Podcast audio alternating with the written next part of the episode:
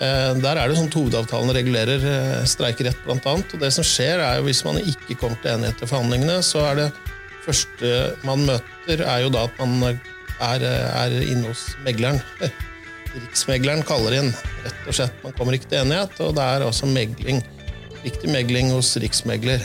Eh, Så gjennomføres det, og så, hvis man da også ikke er kommet til enighet, så er det streik. Hei, du har nå havna på podkasten Jobben min.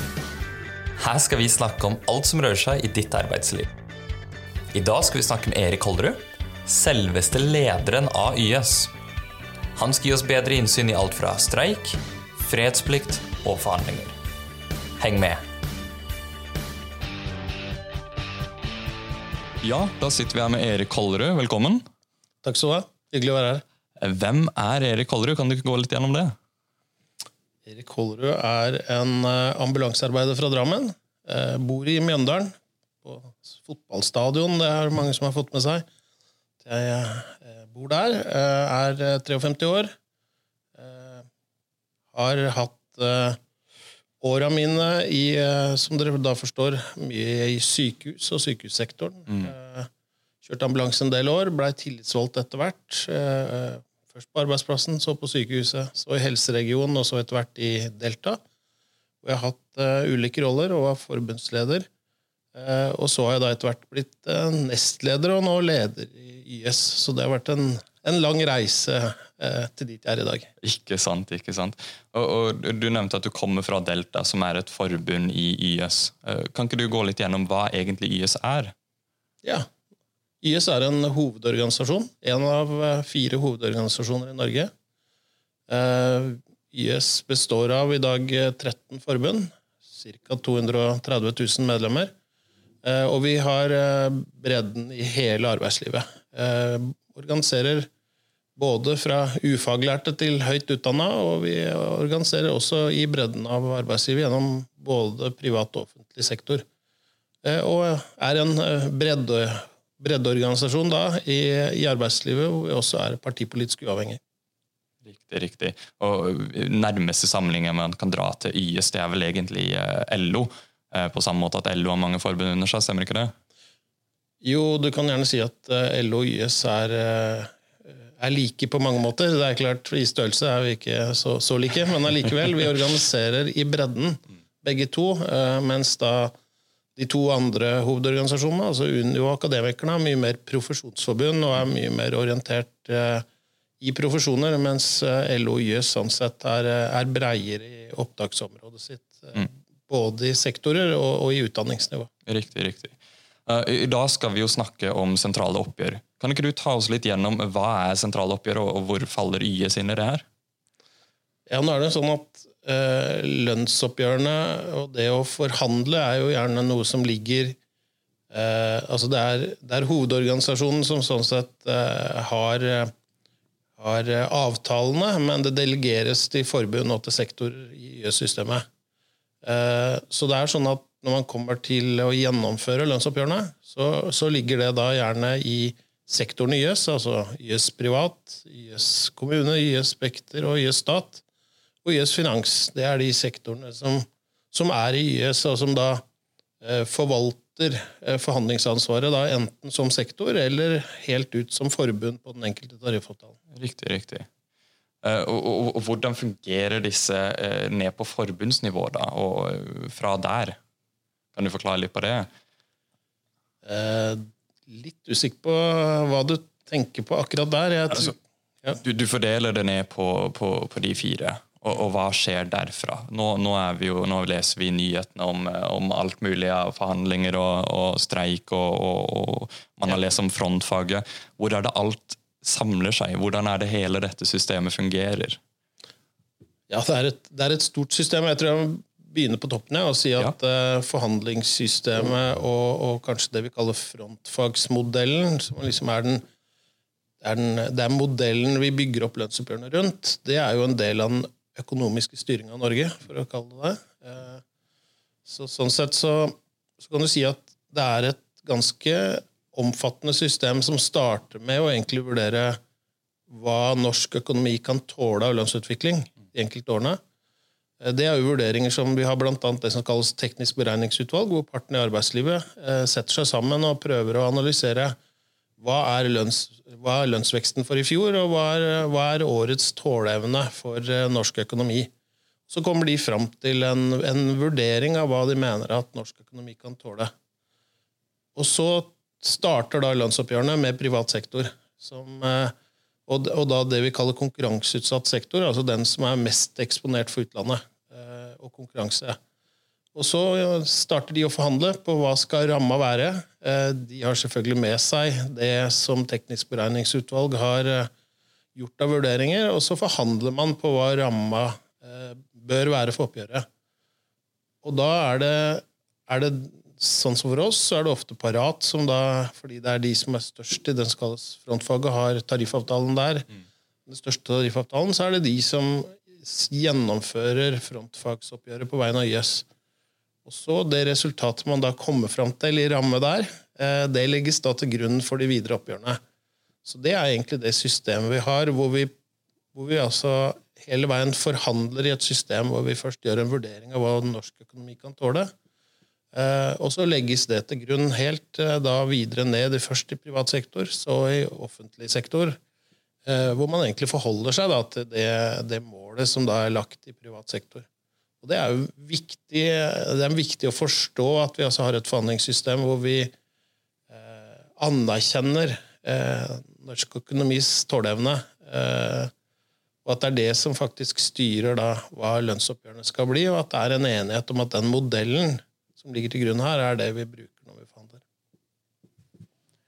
Det er jo to YS-forbund som har vært med eller har hatt streik i år. eh, YTF og eh, Parat, med vektestreik og busstreik. Eh, Kan du si noe mer om hva som var bakgrunnen for de streikene, og hvor, hvordan gangen er før de kommer til streik? da? Ja, det kan jeg absolutt. Nå var jeg jo gjennom hvordan forhandlingssystemet fungerer i stad, og hvor vi egentlig har en modell hvor vi i utgangspunktet er ganske opptatt av å følge strukturen og målet med forhandlingene er alltid å komme til enighet, eh, og selvfølgelig også hensynta eh, forholdet til norsk økonomi, som jeg nevnte i stad. Samtidig så er det jo ikke sånn at man kan ha det sånn at det er en forpliktelse til at man alltid blir enig, og at det aldri er mulig å ta en konflikt. Eh, Der er det sånn at Hovedavtalen regulerer eh, streikerett, blant annet. Og det som skjer er jo Hvis man ikke kommer til enighet i forhandlingene, så er det første man møter, er jo da at man er, er inne hos megleren. Riksmegleren kaller inn. Rett og slett, Man kommer ikke til enighet, og det er altså megling. Pliktig megling hos riksmegler. Eh, Så gjennomføres det. Og så, hvis man da også ikke er kommet til enighet, så er det streik. Eh, Som er det siste muligheten for å si at man eh, ikke er fornøyd med, med oppgjøret. Da er det sånn at det ligger ganske stort trøkk på å forsøke å komme til enighet eh, fram til det, og det er det siste virkemidlet vi har som arbeidstakere, er å gå til streik, og det er et virkemiddel vi må tenke nøye gjennom når vi skal bruke. Når det kommer til vekterstreiken og busstreiken, så er det sånn at eh, det er nærmere 20 år siden eh, man har hatt streik i, i bussområdet. Det er et område som har, eh, som, som har store utfordringer både arbeidsmiljømessig og, og, og lønnsmessig. Eh, og som det har, har over lang tid eh, vært prosesser hvor man har forsøkt fra arbeidstakersida å få arbeidsgiverne med på å løse en del av de utfordringene som er. Eh, men hvor man nå så at og han har altså også inngått en avtale med arbeidsgiver om en opptrappingsplan eh, lønnsmessig, eh, men som man nå har opplevd over tid at arbeidsgiver ikke følger opp.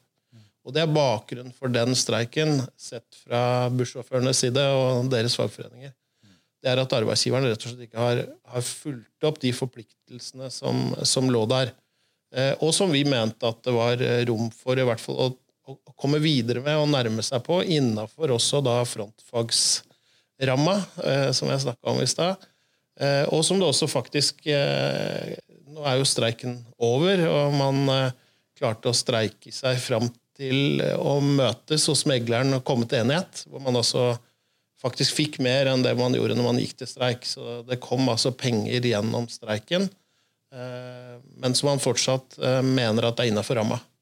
Så, så systemet sånn sett er jo at man, det, er, det, det, er, en rett til å kunne streike om man ikke kommer til enighet. Og målet er selvfølgelig alltid å, eh, å forsøke å, å, få arbeidsgiver på banen for å komme med nye utspill eh, og forsøke å møtes å løse konflikten.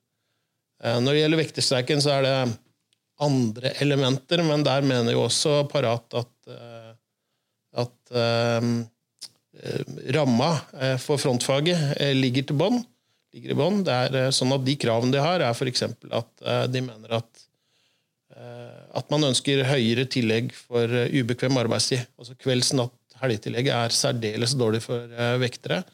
Og man ønsker en annen fordeling av økonomien. Det er egentlig en av de viktigste konfliktene i det området. Hvor arbeidsgiver da så langt ikke har kommet med møte på det.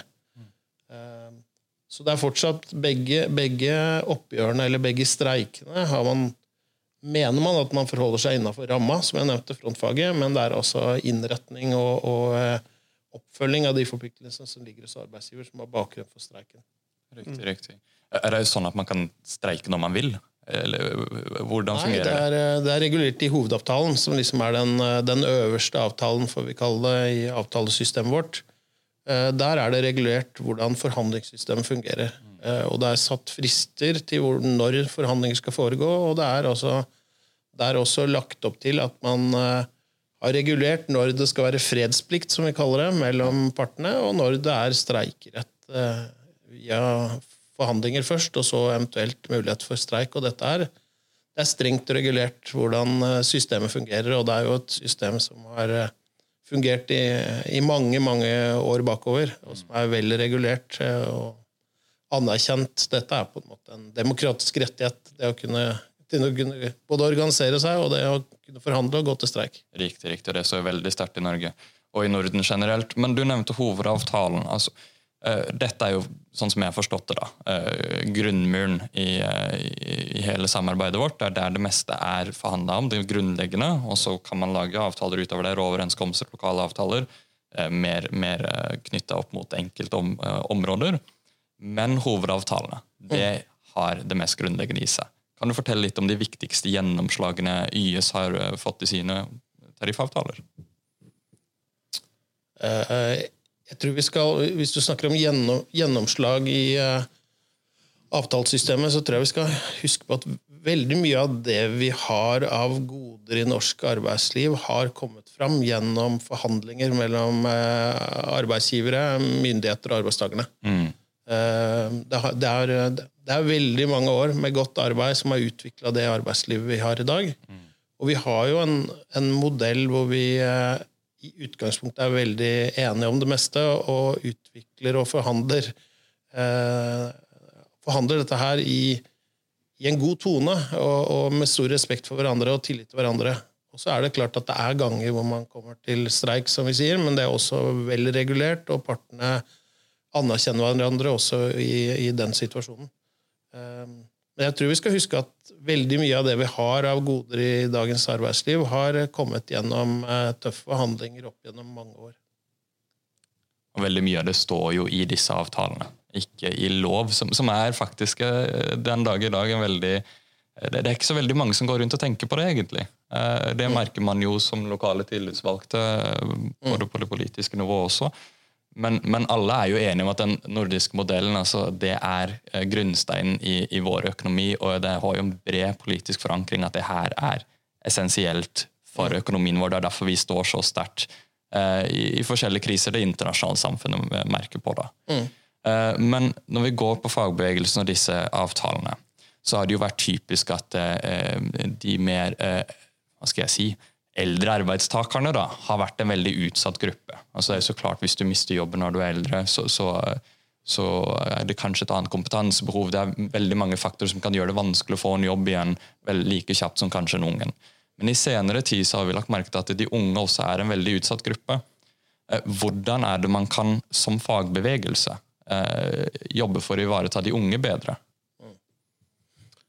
Jeg tror du har, du har rett i at eh, det er litt sånn ettersom hvordan skal vi si, arbeidsmarkedet endrer seg, og um, selvfølgelig arbeidsledigheten har, har, mye å si uh, i hvor, hvordan fokuset er med hvor, hvor, trangt er det i arbeidslivet, for å si det sånn. Og det er klart En lang periode hvor det har vært behov for eh, arbeidskraft, så har det vært ekstremt viktig å beholde eh, de godt voksne lengst mulig. Og, det, en, eh, det, det, å understøtte arbeidslinja er på en måte noe vi, vi, har i oss. Men det vi ser spesielt nå når arbeidsledigheten øker, er jo at eh, vi får unge som sliter med å komme inn.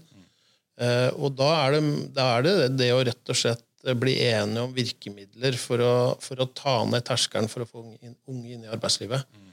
Uh, det er mange måter å gjøre det på. Uh, vi har diskutert, og Dette er et stort fokus nå i arbeidet med, med regjeringen og, de, og, arbeidsgiverne i forhold til pandemien også.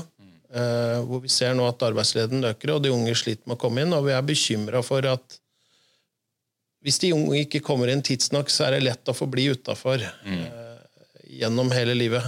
Uh, og spesielt i, en, i, en, i, et arbeidsliv hvor også kompetansen din eh, blir fort gammel, for å kalle det det. Mm, mm, mm. At praksisen din faktisk blir forelda ganske raskt, så hjelper ikke at du har nylig gått på skolen hvis det du kan, er utdatert når du først får jobb.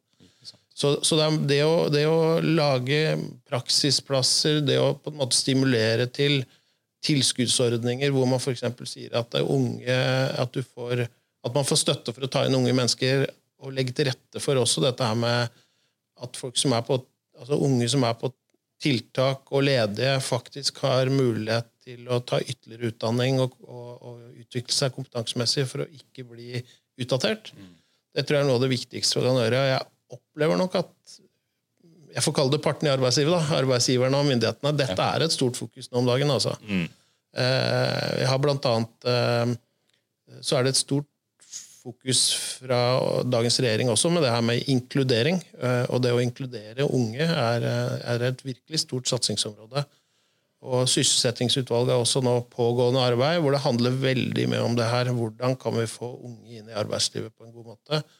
Eh, så jeg opplever at det er stort fokus på det. Men om vi, har, om vi er gode nok til å klare å finne virkemidlene, det er alltid et spørsmål. Men jeg, jeg må vel si at jeg syns det er dreid når jeg har vært med i det her arbeidet på ulike måter en del år. Jeg syns det har dreid seg veldig nå fra å, som du sier, være opptatt av de eldre, til å nå være veldig opptatt av de yngre mm. i arbeidslivet. Mm. Så jeg tror sånn sett at det er en positiv dreining eh, i de unges eh, favør om dagen. Det er det. Greie å ha to tanker i hodet samtidig, og det, det virker det som eh, det dreier i den retninga. Jeg er helt enig med deg. Da må vi bare si tusen hjertelig takk til at uh, du kunne komme, Erik Hallerud, og lykke til videre. Takk for at jeg fikk komme.